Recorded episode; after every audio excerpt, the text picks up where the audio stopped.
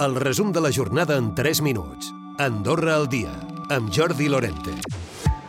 implica que el preu del diner augmenta i, per tant, totes les empreses que vulguin acometre una inversió o les famílies que hagin d'accedir a una hipoteca, doncs ara són de pensar dues vegades, no? I d'aquesta manera és com se refreda aquesta economia i els preus eh, baixen.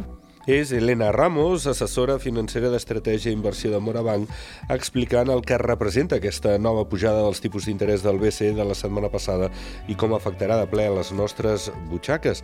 Aquells que tenen una hipoteca o un crèdit eh, contret amb el banc són els grans afectats d'aquestes pujades. De fet, amb la taxa que hi ha actualment en guany, aquells que estiguin hipotecats poden arribar a desembutxar 2.000 euros més a l'any. El Consell de Ministres han avançat que l'executiu i els bancs del país treballen per un pacte que permeti pal·liar aquest increment a cert tipus d'habitatges, unes mesures que aniran només enfocades a les que tenen un termini variable.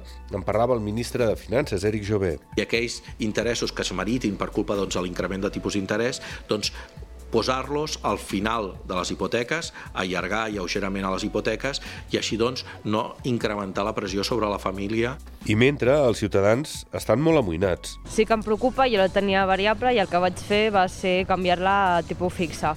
Hem tingut la sort de poder-la fer durant aquest fa un mes i el que ens ha pujat ha sigut doncs, 50 euros al mes cap al gener hem de mirar de una hipoteca i tal, i és que s'està ficant la cosa que al final serà impossible.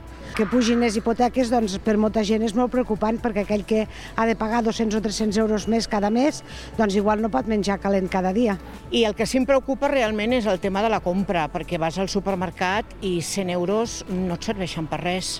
I una mala notícia arriba també des dels Estats Units, i és que la Reserva Federal Americana ha pujat aquest dimecres un 0,75% el preu del diner, la qual cosa farà que el BCE segurament prengui nota i abans de final d'any segueixi incrementant el preu del diner al vell continent. 53 nous casos per coronavirus la darrera setmana. També hi ha un lleuger decreixement dels casos actius, que hores d'ara se situen en els 144. La millor notícia està a l'hospital, on no hi ha cap persona ingressada amb la Covid ni a planta ni a la unitat de cures intensives. L'arribada de turistes pel pont de Tots Sants ha sigut massiva. Segons el Departament de Mobilitat, han entrat prop de 60.000 vehicles en només 4 dies. Bona part dels visitants han estat turistes francesos. Jaume Bonell és el director de Mobilitat. Això ens ha sorprès bastant, aquesta entrada tan important des de França, i una entrada que no solament s'ha localitzat al pas de la casa, sinó que ha baixat fins al centre merament del país. No? I tornant a xifres eh, que tenen a veure amb la nostra economia del dia a dia, l'IPC avançat del mes d'octubre al país s'ha situat en el 6,9%. Això representa un petit increment d'una dècima respecte a la inflació del setembre. A França l'han situat al 6,2 i Espanya en el 7,3. Recupera el resum de la jornada cada dia a Andorra Difusió.